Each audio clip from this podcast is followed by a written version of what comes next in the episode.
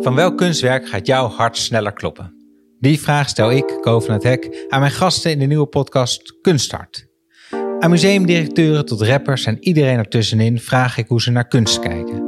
Zo sprak ik onder andere met Go to Jim over hoe hij op experimentele wijze musea bezoekt. Iemand kwam laatst met een chocoladereep en daar zat een museumdosis paddo's in. En natuurlijk wat ze zo raakt in dat ene favoriete kunstwerk.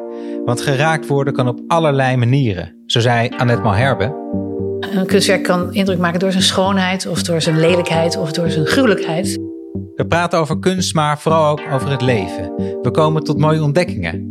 Albert Verlinde zei.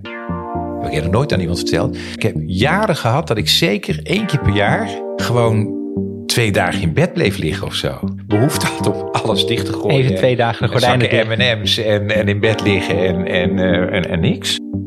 En met museumdirecteur Anne Meester sprak ik over dat je geen expert hoeft te zijn om ergens van te kunnen houden en naar te kijken, erover te praten en naar te luisteren. Omdat je helemaal niks hoeft te kunnen.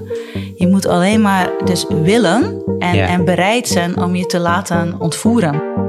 Laat je ontvoeren door deze en veel meer gasten in Kunststart. Vanaf donderdag 10 juni in je podcast app.